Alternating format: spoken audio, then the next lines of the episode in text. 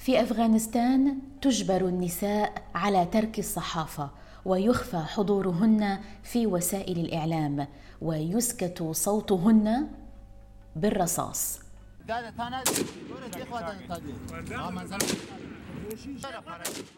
في مجتمع يهيمن عليه الذكور من الصعب جدا على امرأة أن تشق طريقها المهني في بيئة مليئة بالعنف والتهديد المستمر والقتل. في حادثة مثيرة للقلق حول حرية الصحافة وحقوق المرأة أيضا قتلت ثلاث إعلاميات بالرصاص في مدينة جلال أباد في أفغانستان. وذكرت شبكة سي أن أن أن النساء الثلاث قتلن وهن في طريقهن إلى المنزل من العمل على أيدي مسلحين أطلقوا النار على رؤوسهن قبل الفرار. كما أصيبت امرأة رابعة وتم إسعافها إلى المشفى. مرسال وحيدي وسادية سادات وشهناز رعافي ثلاث نساء تتراوح أعمارهن بين 18 وعشرين عاماً. وقد كنا قد أنهينا مؤخرا دراستهن الثانوية ويعملن في قسم الدبلجة في إحدى المحطات التلفزيونية التي يملكها القطاع الخاص في أفغانستان. في حلقة اليوم من بودكاست في عشرين دقيقة. سنفتح ملف المرأة في أفغانستان. المرأة الصحفية المذيعة الناشطة التي تواجه القمع والتهديد والقتل. فيتم استبعادها عن وسائل الإعلام وعن الشأن العام وتهمش قسريا عن أداء أي دور في مجتمعها. من المسؤول؟ وما الذي يعنيه أن تكوني صحفية في أفغانستان؟ أهلا بكم كلهم ماتوا هذا ما قاله زلماي لطيفي رئيس المحطة التلفزيونية التي كانت تعمل بها ثلاث صحفيات قتلن أثناء عودتهن إلى المنزل. تنظيم الدولة الإسلامية في أفغانستان أصدر بيانا أعلن فيه أن مقاتليه استهدفوا النساء الثلاث دون أن يذكر أي تفاصيل أخرى. وكانت السلطات الأفغانية قد اعتقلت في وقت سابق. رجلا قالت إنه المشتبه به الرئيسي في حادثة إطلاق النار بداية الشهر الفائت وقالت إنها تبحث عن متواطئين معه. وتفيد التقارير أن المشتبه به الذي تم اعتقاله كان عضوا في حركة طالبان التي نفت تورطها في عملية القتل. ما حصل كان جزءا من موجة قتل استهدفت نشطاء حقوقيين وقضاة وصحفيين في أفغانستان. ويعتقد أن حركة طالبان تقف وراء العديد من هذه الحوادث. بالإضافة إلى وجود خلايا تابعة لتنظيم داعش لا سيما في شرق البلاد. موجة الاغتيالات الأخيرة هذه أدت إلى انتشار الخوف بين الأهالي في أفغانستان خلال الأشهر الأخيرة بالإضافة إلى تنامي الشعور بالغضب من فشل الحكومة الأفغانية في إيقاف حملات القتل التي يبدو أنها تهدف إلى إسكات الأصوات التقدمية في البلاد يأتي هذا في وقت يستعد فيه الأفغان من جميع الأطراف للتفاوض بشأن حماية حرية التعبير في البلاد لكن طالبان وتنظيم الدولة الإسلامية يقومون بتقويض أي آمال في مجتمع منفتح في أفغانستان من خلال إسكات الأصوات عن طريق التهديدات والعنف. ووفقا لمحطة إنكاس التلفزيونية فإنه من بين عشر نساء قامت القناة بتوظيفهن قتلت أربع نساء. بما في ذلك مقدمة البرامج مالالاي مايواند التي قتلت بالرصاص في شهر كانون الأول ديسمبر الماضي أثناء سفرها من جلال أباد. وأعلن تنظيم الدولة الإسلامية حينها مسؤوليته عن الهجوم. ففي أي إطار يمكن أن نفهم استهداف طالبان للإعلاميات النساء في أفغانستان؟ هل هو قمع للحريات بشكل عام أم أنه محاربة للمرأة وحقوقها بشكل خاص؟ وهل يمكن في الأساس فصل الأمرين عن بعض؟ الإعلامية رشا دلول تجيب. طبعا استهداف الإعلاميات في النساء طبعا في أفغانستان هناك زاويتان ممكن أن نضع فيها آه، هذا الاستهداف. الأول هي النظرة للمرأة بشكل عام في البلد، يعني تعتبر المرأة في في أفغانستان وتحديدا في أقاليم أكثر من أخرى من الدرجة الثانية. لا يحق لها أن تتساوى مع الرجل لا بالعمل لا بالتعليم ولا حتى أحيانا بموضوع العلاج آه، في بعض المناطق. يعني لا يجب أن تتعالج المرأة عند طبيب رجل. يعني قد تموت ولا تتعالج عند طبيب رجل وإلى ما هنالك من من هذه الظواهر. أما الزاوية الثانية التي آه، ممكن أن نضع فيها آه، موضوع استهداف الإعلاميات هي بالأصل محاربة الصحافة والناشطين من الحقوقيين بشكل عام في البلد. يعني آه، ليست النساء من يتم استهدافهن فقط. شهدت البلد الكثير من حالات استهداف الصحفيين الناشطين الحقوقيين سواء رجال أو نساء. الغاية منها هي يعني منع نشر ما يجري من انتهاكات في البلد من قبل طالبان وغيرها من الجماعات الإرهابية. محاربتهم حتى لا يتم كشف هذه الممارسات. يعني حتى آه، نشهد أنه الكثير من الحالات يعني قد لا يتم الحديث عنها إلا إذا تناولتها وسائل الإعلام. يعني تبقى مغمورة ولا آه، يعلم بها أحد إلا آه، المناطق التي جرت فيها هذه الأحداث. وفقا لمنظمة هيومن رايتس ووتش فإن قوات طالبان في أفغانستان تستهدف الصحفيين والعاملين في مجال الإعلام بشكل متعمد وخاصة النساء منهم. حيث ازدادت التهديدات والهجمات ضد الصحفيين في جميع أنحاء البلاد بشكل ملحوظ منذ بدء المحادثات بين الحكومة الأفغانية وحركة طالبان. الأمر الذي أدى إلى ازدياد المخاوف بشأن حرية التعبير وعمل وسائل الإعلام في البلاد وينخرط قادة ومقاتلي طالبان في نمط محدد من أعمال العنف والتهديدات ضد العاملين في وسائل الإعلام خاصة في المناطق التي تتمتع فيها طالبان بنفوذ كبير وحتى في العاصمة كابول. وفي الغالب من يقوم بإطلاق التهديدات يكون على معرفة وثيقة بعمل الصحفي وأسرته وجميع تحركاته.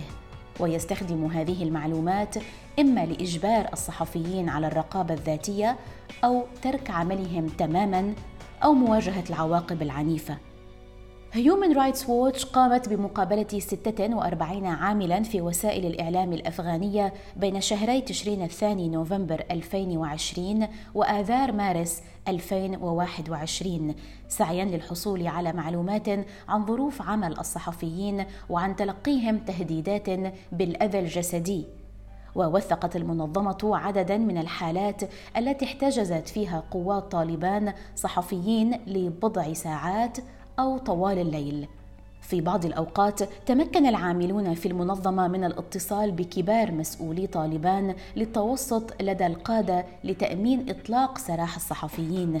مما يشير إلى أن القادة المحليين يتمتعون باستقلالية كبيرة في تنفيذ العقوبات وهم قادرون على اتخاذ قرارات استهداف الصحفيين بأنفسهم دون موافقة من المسؤولين السياسيين أو كبار الجيش. ويتعرض الصحفيون المتواجدون خارج المدن الرئيسية في البلاد لهجمات وتهديدات أكثر لأنهم يفتقرون إلى الحد الأدنى من الحماية التي توفرها وسائل الإعلام الأفغانية الكبيرة والحكومة والمجتمع الدولي. ومع ذلك فإن استمرار القتال وارتفاع وتيرة العنف في المدن الكبرى أدى إلى تقليل الحماية للصحفيين الباحثين عن الأمان من العنف في مناطقهم الأصلية. لكن هل من دور إيجابي من الممكن أن يلعبه المجتمع الدولي أو المنظمات الإنسانية الدولية لحماية الإعلاميات في أفغانستان؟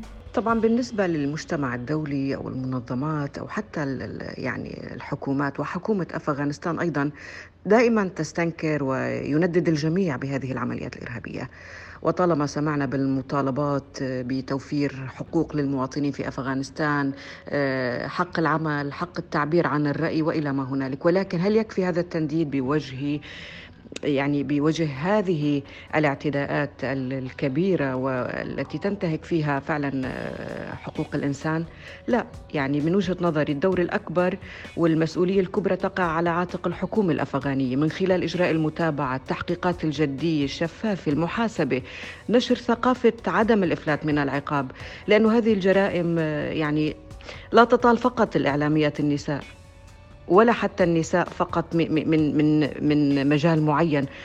طال النساء والرجال والكثير من النساء في مجالات أخرى العاملات في الجيش والشرطة كل في ضحايا كتار يعني من من في في هذه المجالات وغيرها. في أفغانستان مجرد من من وجهة نظري ممكن للجماعات الإرهابية بأنه لا يحق لهم التعبير عن آرائهم، لا يحق لهم الرفض لما يقومون به. وهم فقط المخولين بأن يعملوا ما يريدون ومن دون أي تعليق من دون أي رفض من أطراف أخرى فالمطلوب الآن ليس فقط التنضيد من المجتمع الدولي وهل يستطيع أن تعمل أي منظمة دولية آه، وضعت قوانين لحماية حقوق الإنسان في ظل هذه الاعتداءات على إنصاف هؤلاء؟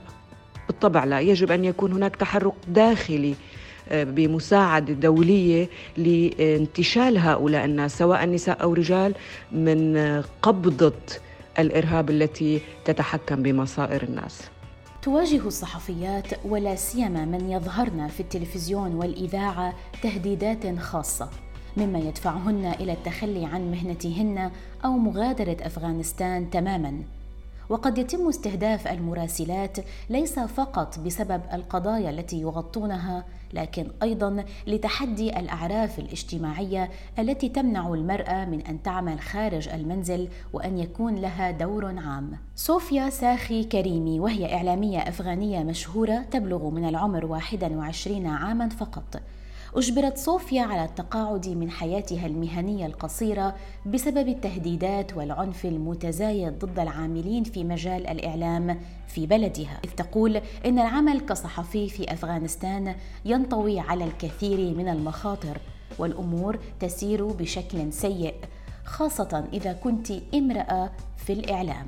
صوفيا التي تعتبر وجها بارزا على تلفزيون أريانا كانت قد بدأت العمل في وسائل الإعلام الأفغانية عام 2015 حين شهدت صناعة الأخبار توسعا سريعا في البلاد فعملت كمذيعة ومقدمة برامج إذاعية وغطت قصصا عن الثقافة والترفيه والقضايا الاجتماعية المتعلقة بالمرأة. ولكن مع تزايد العنف خلال العام الماضي وجدت صوفيا أن الخطر قد اقترب منها كثيرا فبدأت بتلقي التهديدات وتم استهداف البعض من أصدقائها. وفيما نجا البعض منهم إلا أن آخرين قد قتلوا.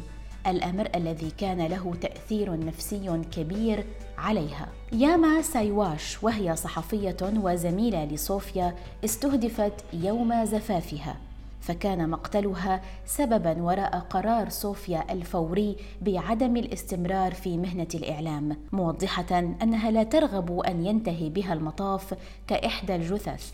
خاصة أن أسلوبها الصريح في البرامج التلفزيونية وأنشطتها الاجتماعية بما في ذلك إدارتها لمتجر للأزياء يجعلها هدفا لطالبان وتنظيم الدولة الإسلامية. صوفيا كريمي ليست بالتأكيد المرأة الوحيدة التي تترك العمل في الصحافة خوفا من العنف والقتل. فبحسب تقرير أصدرته لجنة سلامة الصحفيين الأفغان في الثامن من آذار مارس الماضي انخفض عدد العاملات في مجال الإعلام والصحفيات بنسبة 18% في النصف الأول من عام 2020 وأشار التقرير إلى أن تسع مقاطعات من أصل 34 في البلاد لم يكن لديها صحفية واحدة تعمل في أي منفذ إخباري. كما أن أعداد النساء العاملات في وسائل الإعلام في أفغانستان انخفض من 1678 إلى 1377 وبعد الهجوم الإجرامي الأخير قامت قناة إنكاس بتعليق قوتها العاملة من النساء خوفا من استهدافهن إذا واصلن العمل. كما استقال العديد منهن منذ ذلك الحين بقرارهن أو تحت ضغط الأسرة. لكن هل أفغانستان الدولة الوحيدة التي تملك ملفا أسودا في وضع الصحفيات فيها؟ هل من إسقاطات يمكننا القيام بها ربما في عالمنا العربي؟ آلاء عامر صحفية مهتمة بالشأن النسوي تحدثنا حول سوريا وأوضاع الصحفيات هناك العاملات والحقل الإعلامي بالوطن العربي يمكن يكون وضعهم آه، يعني أسهل من وضع العاملات بهذا الحقل في أفغانستان ولكن بنفس الوقت ما فينا نجمل وضع العالم العربي بسطر واحد أو بجملة واحدة. يعني مثل ما بتعرفي آه، كل دولة في لها خصوصيتها. آه، يعني بالنسبة للصحفيات والإعلاميات السوريات فهنين بوضع مشابه جدا لوضع الإعلاميات بأفغانستان. آه، سواء في معتقلات النظام أو حتى بالأماكن المحررة آه، الإعلاميات هنا عم يشتغلوا تحت الضغط. معتقلات النظام مليئة بالإعلاميات المعتقلات وحتى الناشطات الإعلاميات مو بس الإعلاميات خلينا نقول ناشطات الإعلاميات المعتقلات. آه، العمل بمناطق المحررة كمان مانو كتير مريح أو مانو أبدا مريح خليني أقول لأنه هنيك في قواعد وفي أسس بيتحركوا على أساس الناشطين والناشطات وأي آه، محاولة لحتى يطلعوا شوي عن هاي القواعد يلي موضوعة من قبل الفصائل ممكن إنه يعرضهم للإعتقال. ومن فترة قريبة كنا شفنا أكثر من حالة اعتقال بحق ناشطين ناشطات عاملين وعاملات في حقل الإعلام.